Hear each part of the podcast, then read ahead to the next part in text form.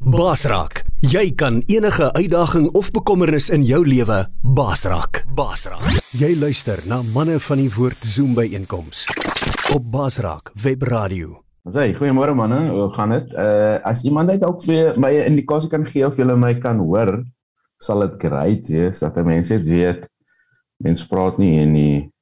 As hy, hallo Freek, Anthony, Emil en Albert, lekker dat julle hier is. Jan het my gevra om sommer vanoggend bietjie iets met julle te share. Ehm um, ek is nie seker wat hy aanvang of waar hy is nie.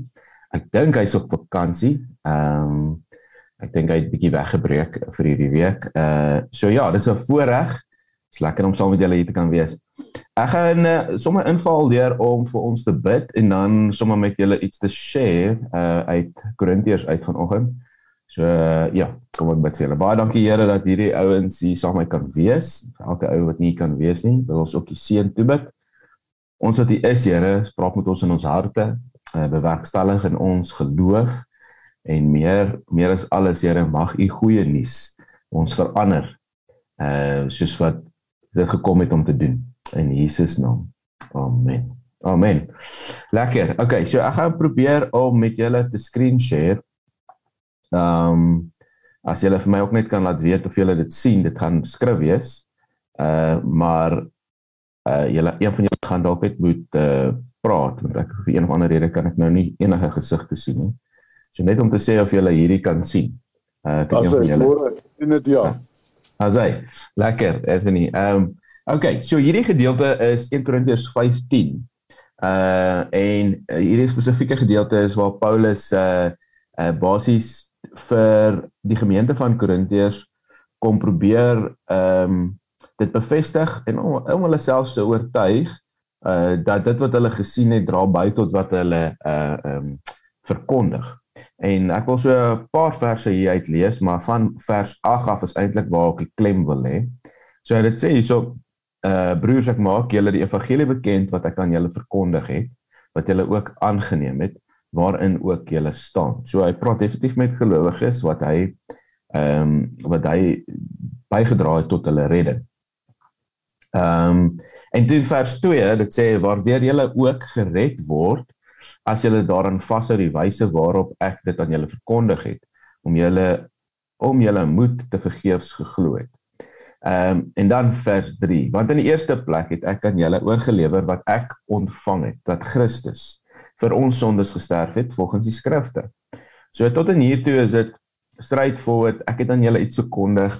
Julle glo dit, ek is bly.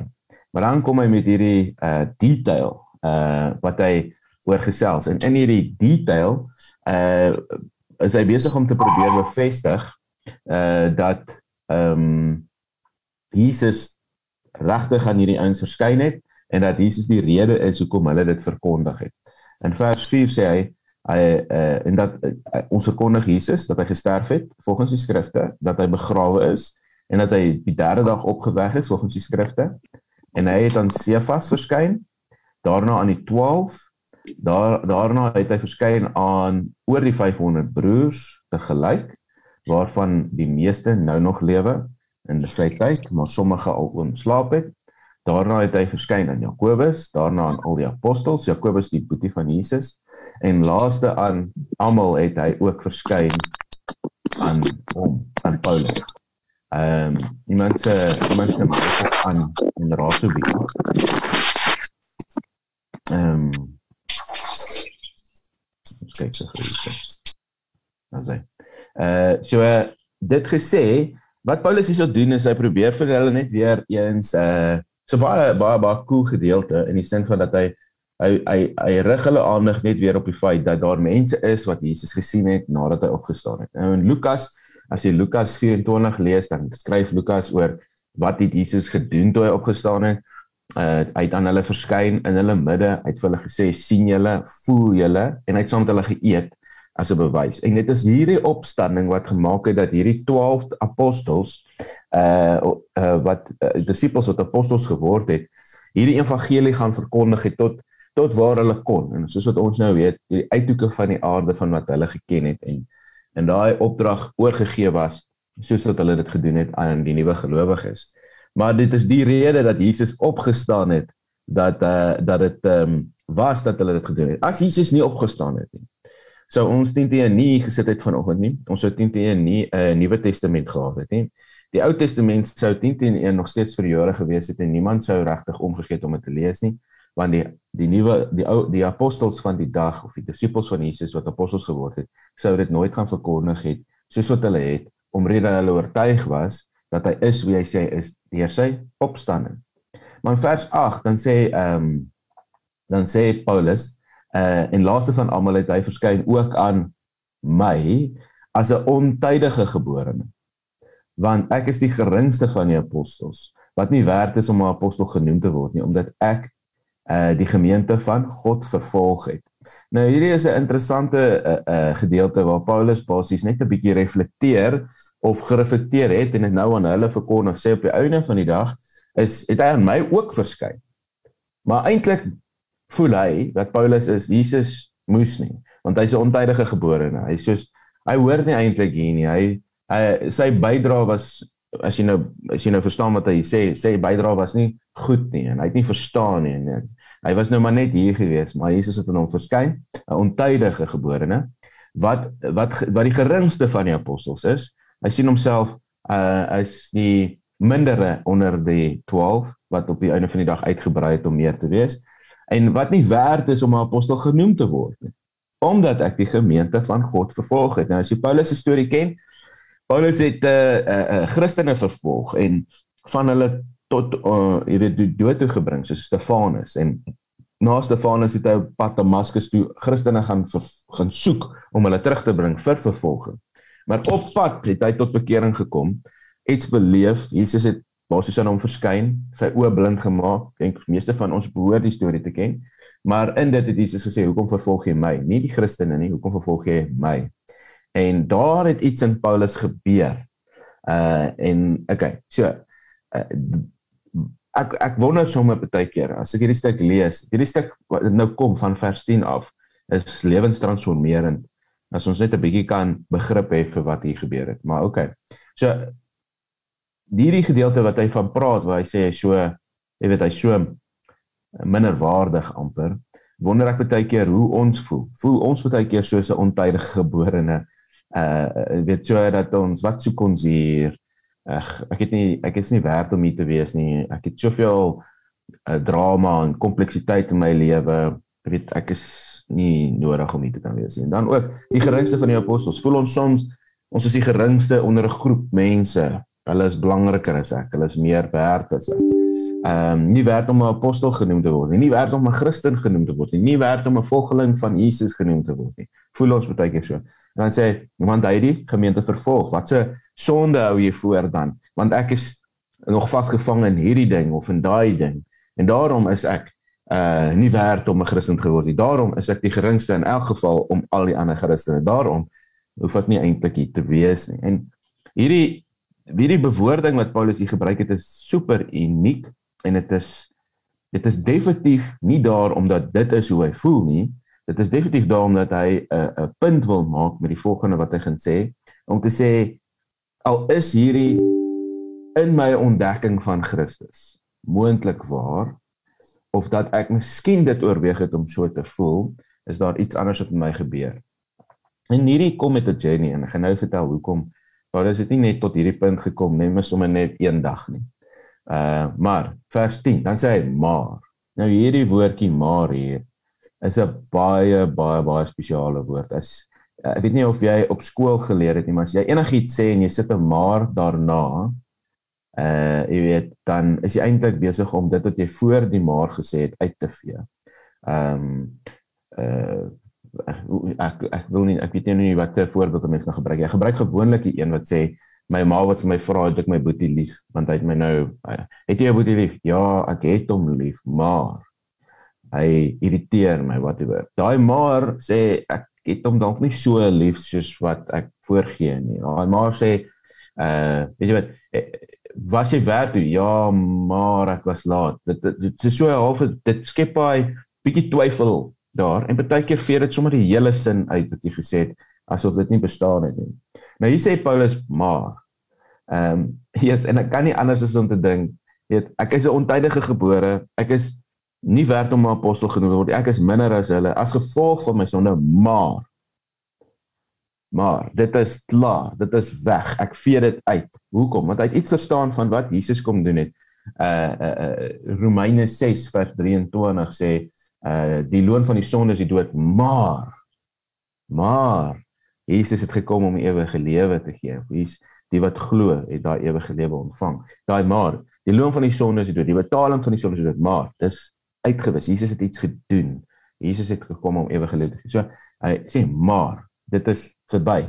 Deur die genade van God is ek wie ek is. Hierdie hierdie is 'n die volgende gedeelte weer oor deur die genade. Wat het Paulus verstaan van die genade van God en wat dit hom maak om te wees? Want deur die genade van God is ek wat ek is, sê Paulus. En sy genade aan my was nie te vergeefs nie. Die engel sê um it will not go in vain. This grace will not go in vain. Met ander woorde, die is so waardevol dat ek dit nie sal laat gaan. Die is so waardevol dat ek iets daaromtrent sal doen. En dan sê hy ek het oorvloedige uh sê maar hy gaan aan met hierdie maar. Hierdie maar sluit by die maar in wat hierdie is uitkanselleer. Uh, maar die genade van God Deur die genade van God is ek wie ek is of wat ek is en sy genade aan my was nie vergeefs nie, maar saam met hierdie maar op soontoe ek het oorvloediger gearbei as hulle almal. As al hierdie ouens hier voor wat hy genoem het.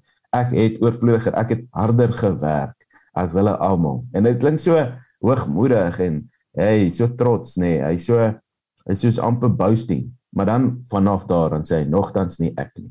En dis wat dit spesiaal maak. Maar die genade van God wat met my is, het harder gewerk en oorvloediger gewerk as hierdie ouens hierbo. Want ek sal nie laat hierdie genade te vergeefs gaan nie, want sy genade maak my wat ek is.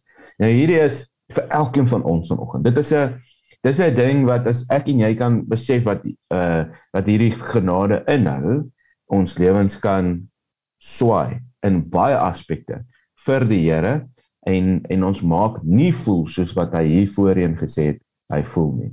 Ehm um, om minder minder te uh, te voel hy's minder werd as ander, te voel hy's die geringste, te voel hy's ontydig gebore as gevolg van 'n ding wat in sy lewe is. So hierso op hierdie uh, in hierdie storie as jy nou gaan na Galasiërs toe.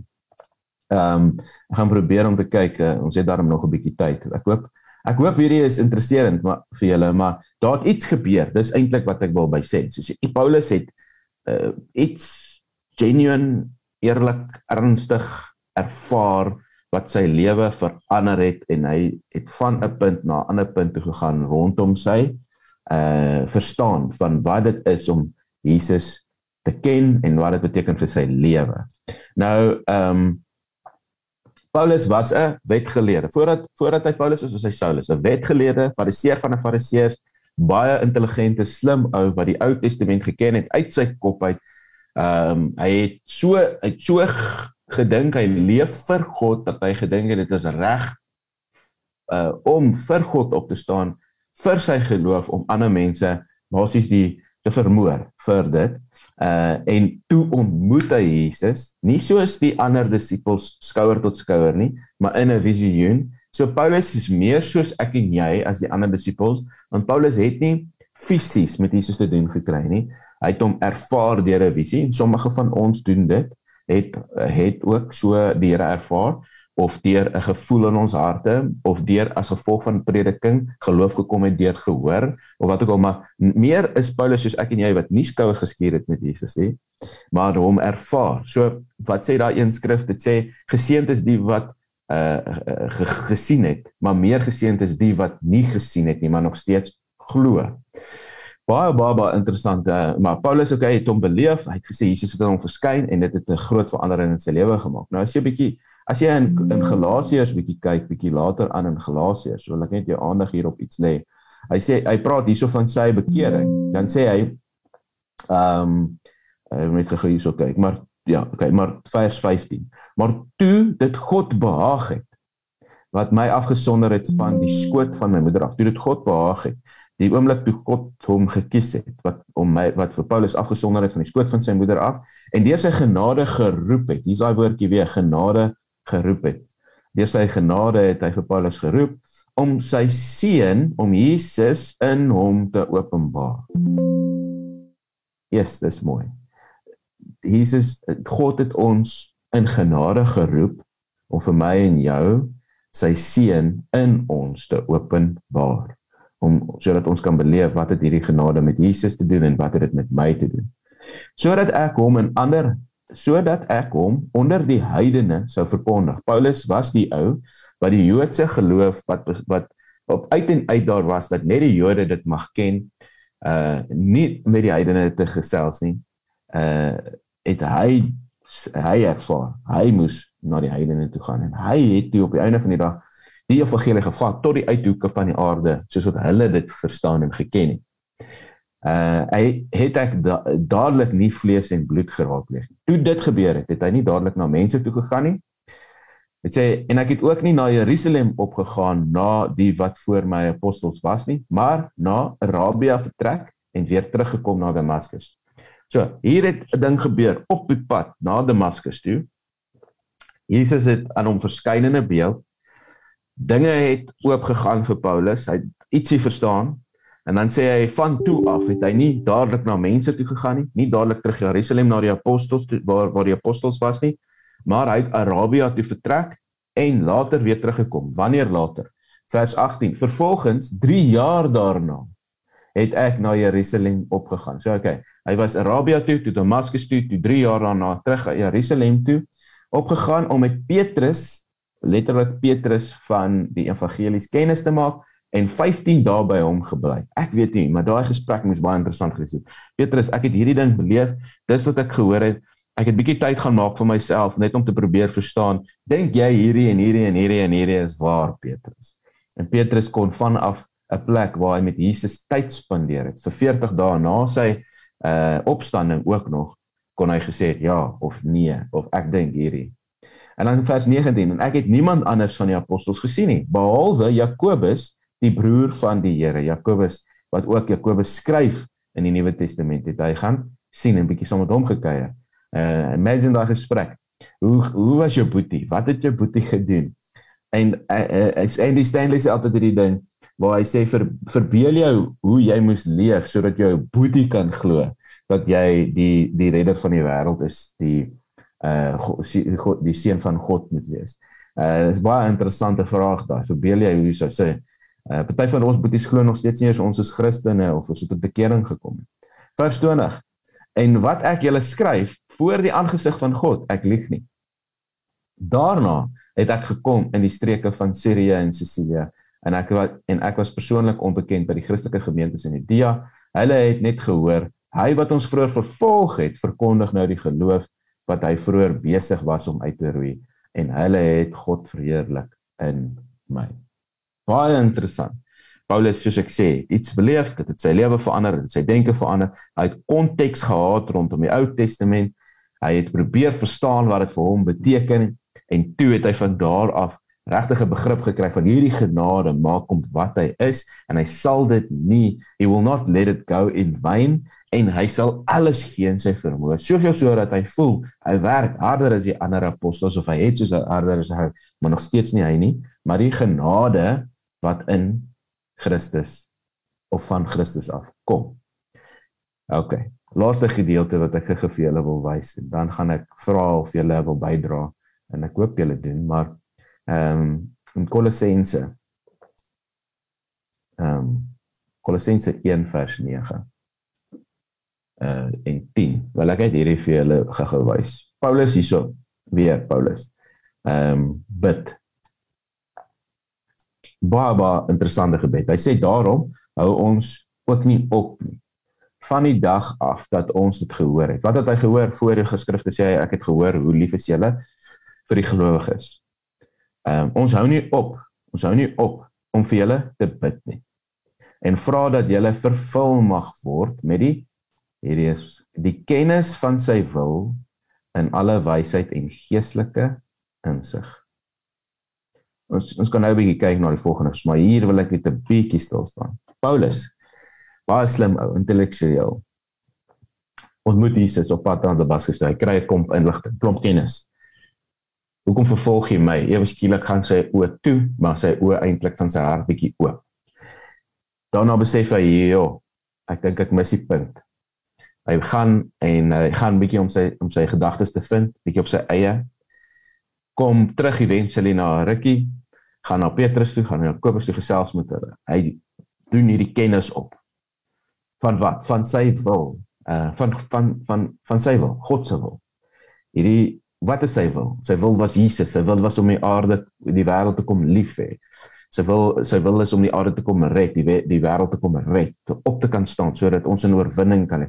Al hierdie tipe dingetjies wat Paulus dalk moes deur moes gemaak. Ek ek maak nou uh aannames, maar as jy van Paulus lees en in in sy en sy sy briewe lees, dan kan jy hierdie tipe dinge hoor. Wat is dit wat hy besef het?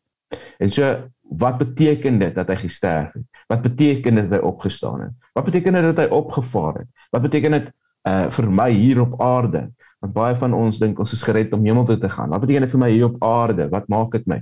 So, ek sê altyd gewoonlik hierdie hierdie ding dat ek sê ons moet ons moet kennis opdoen van wie Jesus is, van wat hy gedoen het, van wat dit vir ons beteken en wie dit ons maak om te wees. Dis die dis die kennis wat ons opdoen. Ek sê weer van wie Jesus was, ons min of meer weet, hy is die seun van God, van wat hy gedoen het. Ons weet dit ook, maar dis kry daai kennis van wat dit vir my beteken en vir jou beteken en laastens wat dit wat dit my maak om te wees. Nou, hy sê nie net daar nie, hy sê kry die kennis van sy wil. Verstaan die groot prentjie. In alle wysheid en geestelike insig. Hierdie drie woorde is kerngedagte of 'n kernbegrip van die woord kennis of inligting. Ek kry kennis, insig en wysheid. Baie interessant van hierdie is kennis is inligting. Ek kan kennis altyd opdoen. En deesdae kan ek dit oral opdoen. Ek kan net my foon vat en gou-gou Google. Maar wanneer dit kom by wysheid en geestelike insig of wysheid en insig, mens kry insig deur om die kennis te verstaan. So, nou maak jy effe. Nou moet jy 'n bietjie gaan tyd maak om te gaan verstaan, begrip te kry.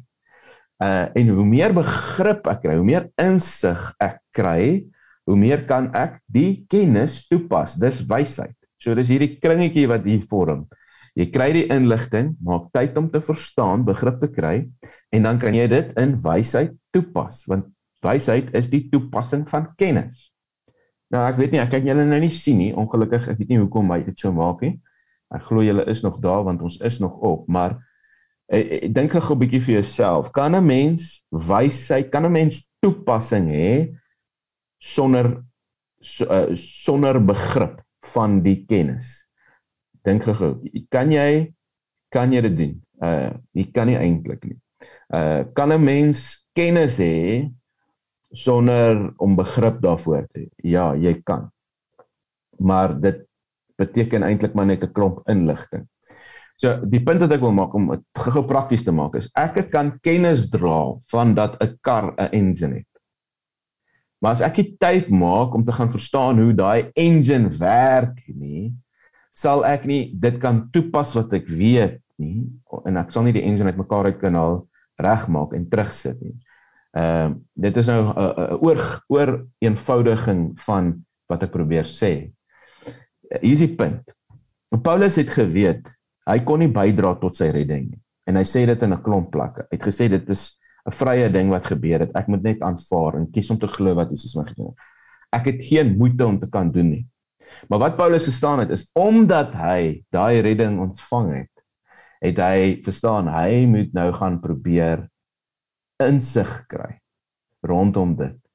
En op die ou einde van die dag uh dit regtig verstaan sodat hy dit kan toepas wat hy geroep was om te wees. Deur genade dit nie te vergeefs laat gaan nie, want dit maak hom ietsie anders. En hierdie is my aanmoediging vir jou vandag. En ek kom met 'n lang draai. Sê Paulus het alles geweet wat daar was om te wees in die dag, weet om in die dag van Jood wees. Hy het alles geweet. Hy was die fariseer van fariseërs. Hy was die ou waar mense heen gegaan het as hulle antwoord gesoek het. Jesus het hom ontmoet en daai goed wat hy geweet het was 'n bietjie uitgedaag rondom wat genade behels en wat Jesus want hulle het altyd gewerk van ek moet bydra dan sal Jesus of dan sal God dit en dit en dit en dit. Nou sê Paulus, ja, ek kan nie bydra tot sy redding nie. Ek kan net glo in wat hy kom doen het deur sy seun. Dis die redder wat ons nodig het. Maar ek gaan alles doen om dit te verstaan sodat ek dit kan toepas en dit was deel van sy verkondiging. En as jy Paulus lees, Kolossense, as jy Efesiërs lees, as jy Romeine lees, meeste van die tyd, die eerste paar hoofstukke, wy Paulus daaraan, verstaan wat Jesus gedoen het, verstaan wat dit vir jou beteken, verstaan wat dit maak, wat dit jou maak om te wees. Verstaan, verstaan, verstaan. So, daar is 'n effort wat ek julle wil aanmoedig in vanoggend. Sê, "Jesus, die Here het so groot ding gedoen en ons almal het dit aangegryp." Maar kom ons doen ons allerbeste om dit nie te vergeefs te laat gaan nie, sodat ons kan geestelike insig kry om dit in wysheid toe te pas, hierdie inligting wat ons opgedoen het. OK. Nou, voordat ek vir julle gee, net 'n laaste dingetjie, vers 10. Dan sê sodat. Nou hierdie. Hierdie gebeur sodat. Nou ek ja, ek wil dit eintlik andersom doen, maar kom ek lees net maar so. Sê ek sê, okay, fine. Hiersoos hierdie. Sê sodat. Ek bid dat julle vervul sal word met die kennis van sy wil, alle wyse en geestelike insig, sodat julle waardiglik voor die Here mag wandel om hom in alles te behaag en julle in elke goeie werk vrug mag dra en in die kennis van God mag groei. Hierdie hierdie gedeelte is die uitvloeisel van hierdie. Hoe meer ek hier kennis opdoen van sy wil deur Jesus en insig kry, geestelike insig kry daaroor en dan dit in wysheid toepas, dan dan gebeur hierdie sodat jy hulle waardiglik voor die Here kan wandel. Wil jy waardiglik voor die Here wandel? Engels sê uh so that you will be pleasing unto the Lord. En dan sê dit sodat jy kan goeie vrug dra vir elke goeie werk. So dat jy nog kan groei in die kennis van God. Hier's 'n uitvloeisel hiervan. En dan sê hy en met alle krag bekragtig word volgens die mag van sy heerlikheid tot alle leidsaamheid en lankmoedigheid met blydskap. En dan gaan hy 'n bietjie aan, maar hier hier is 'n uitvloeisel van hierdie van hierdie effek is dit dat jy jy behaag die Here. Want jy wandel nou soos wat hy eh, soos wat hy is. En op die einde van die dag dra jy goeie vrug. Die ander vertaling sê goeie vrug vir elke goeie werk. En jy groei in die kennis van God. Nou dit gesê, ehm um, ek het net gevoel hierdie gedeelte praat die laaste ruk met my ehm um, redelik hard. Wat is die moeite wat ek sal gee hoe te vergeefs gaan laat ek gaan hierdie evangelie, hierdie goeie nuus, hierdie genade. En dit moedig my baie aan. Wat is dit wat Paulus geweet het sodat ek dit kan gaan soek en gaan verstaan en gaan weet. En dit het baie te doen met ons identiteit, wie ons in Christus is, wat hy ons maak om te wees en dit dit het 'n groot groot groot impak oor hoe ek uh mense waardeer, hoe ek myself sien, hoe ek situasies benader in alle aspekte. So, ek sluit af met hierdie. Maak die moeite om om op die einde van die dag te weet wie is Jesus. Wat het hy gedoen? Wat dit regtig behels? Die kennis opdoen en dan die insig en dan die wysheid sodat jy kan weet wat dit vir jou beteken en wat dit jou maak om te wees. Ek gaan dit nou vir 'n oomblik daar los. Dit is uh 34 oor 6 of 25 voor 7. Ehm um, is daar van julle wat dalk miskien 'n bydrae wil maak, miskien 'n comment wil lewe, miskien 'n vraag wil vra. Uh en dan uh dan sluit ons ons af en dan dan uh hoop ek dat hierdie julle sal dra vir 'n rukkie. Enige iemand. OK, nou terwyl ons nou so sit, ek weet nie of jy hulle ehm um, Vader baie dankie dat ons net sommer hier so kan saam sit, Here, en bid vir hierdie ouens saam met my hier so, Here. Op die einde van die dag is daar iets wat Paulus tyd gemaak het om te gaan verstaan sodat hy kan dit met wysheid toepas. En deel van dit was, Here, dat hy 'n seun van God is en hy sê dit in Romeine soveel keer wat dit beteken en wat dit behels. Here en ek bid Here Jesus dat uh, in alle opsigte dat ons sal weet wat beteken om 'n seun te wees. Dat ons in U Vader het en 'n Pa het. Here, een wat na ons omsien, ons voorsien. En wanneer dit moeilik gaan, Here, daar is om ons te vertroos deur die Heilige Gees ook, Here. En uh, Dit gesê is daar vir ons 'n erfdeel, 'n erfporsie. En dit is ja enig om saam met U in die hemel te wees en wat ook al U vir ons gaan aanbied daar, maar hier op aarde om deel te wees van dit, om te weet wat se waarde daar is en wat se uh, rykdom daarin is, Here. En ek bid Vader dat elkeen van ons dit sal verstaan en begrip sal hê daarvoor. En 'n ander ding wat Paulus gesê het in Efesiërs sê hy ons sit in hemelse plekke saam met Jesus. En ek bid dat ons dit sal verstaan en dat ons dit sal kan toepas want dit beteken ons sit in intimiteit met U. En dit beteken ons het 'n plek van autoriteit saam met U. En dat ons oor ons omstandighede, situasies, denke, spraak, gevoelens kan heers soos wat hy sê in Romeine 5:17. En Here dan by dit sê hy ek is tot meer in staat, tot alles in staat in Christus Jesus in uh, in, Filippense en Efesiërs uh sê hy dit Here. Hy sê hey, ek kan dit doen. Ek kan dit doen. Uh ek weet wat dit is om honger te wees, ek weet dit is om dors te kry. Maar in alles is ek tot staat as gevolg van Jesus. Help ons om dit te verstaan binne die moeilike, binne die maklike. Ons is tot staat as gevolg van wie is. En dan 'n laaste ding wat ek wil noem en hy het gesê ons is meer is as oorwinnaars. In u opstanding is daar vir ons oorwinning.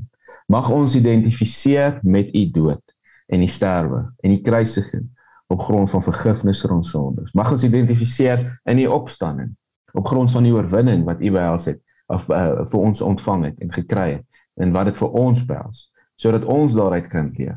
Ons beweeg vanaf 'n posisie van oorwinning. Ons soek die oorwinning, ons het dit in Christus. Mag ons identifiseer met die feit dat ons in hemelse plekke sit saam met U en mag ons identifiseer as seuns, dogters van God en wat dit vir ons inhou.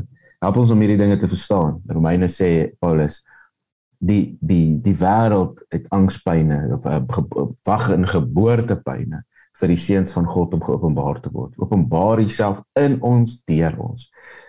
En die laaste ding wat ek wil bid is Here, soos wat Paulus geweet het, iets het in hom gebeur sodat dit deur hom kan gebeur. Help ons om te verstaan dat U iets in ons doen wat U dan deur ons wil doen in Jesus naam. Mag ons verkondig wie is op grond van die genade. Mag ons dit nie te vergeefs laat gaan nie.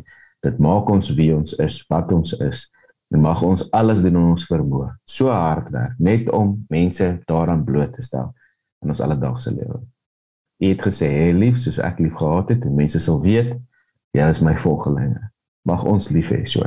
Help ons daardeur in die naam van Jesus. Amen. Amen. Albert Emil Freek, dit is lekker om saam met julle te kan kuier. Partykeer wens ek ons kan saam, lekker saam praat. Dit is eintlik 'n tipe van 'n kuier reël, maar is lekker om saam julle te gewees het. Julle moet julle uh Vrydag geniet in julle naweek en uh mag hierdie woord julle dra vir 'n ruk dink oor en uh, bepeins dit. 'n Lekker dag vir julle.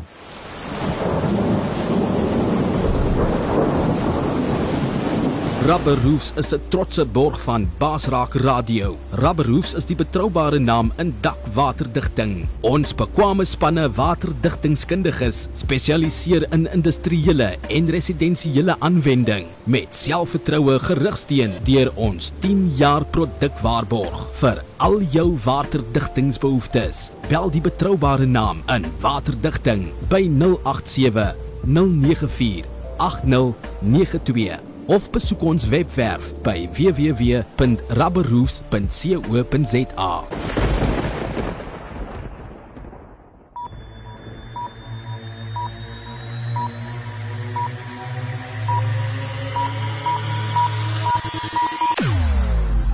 Jou oorwinning in Christus radio. Basraak webradio. Basraak Jy kan enige uitdaging of bekommernis in jou lewe baasraak. Baasraak. Baasraak webradio op www.baasraak.tv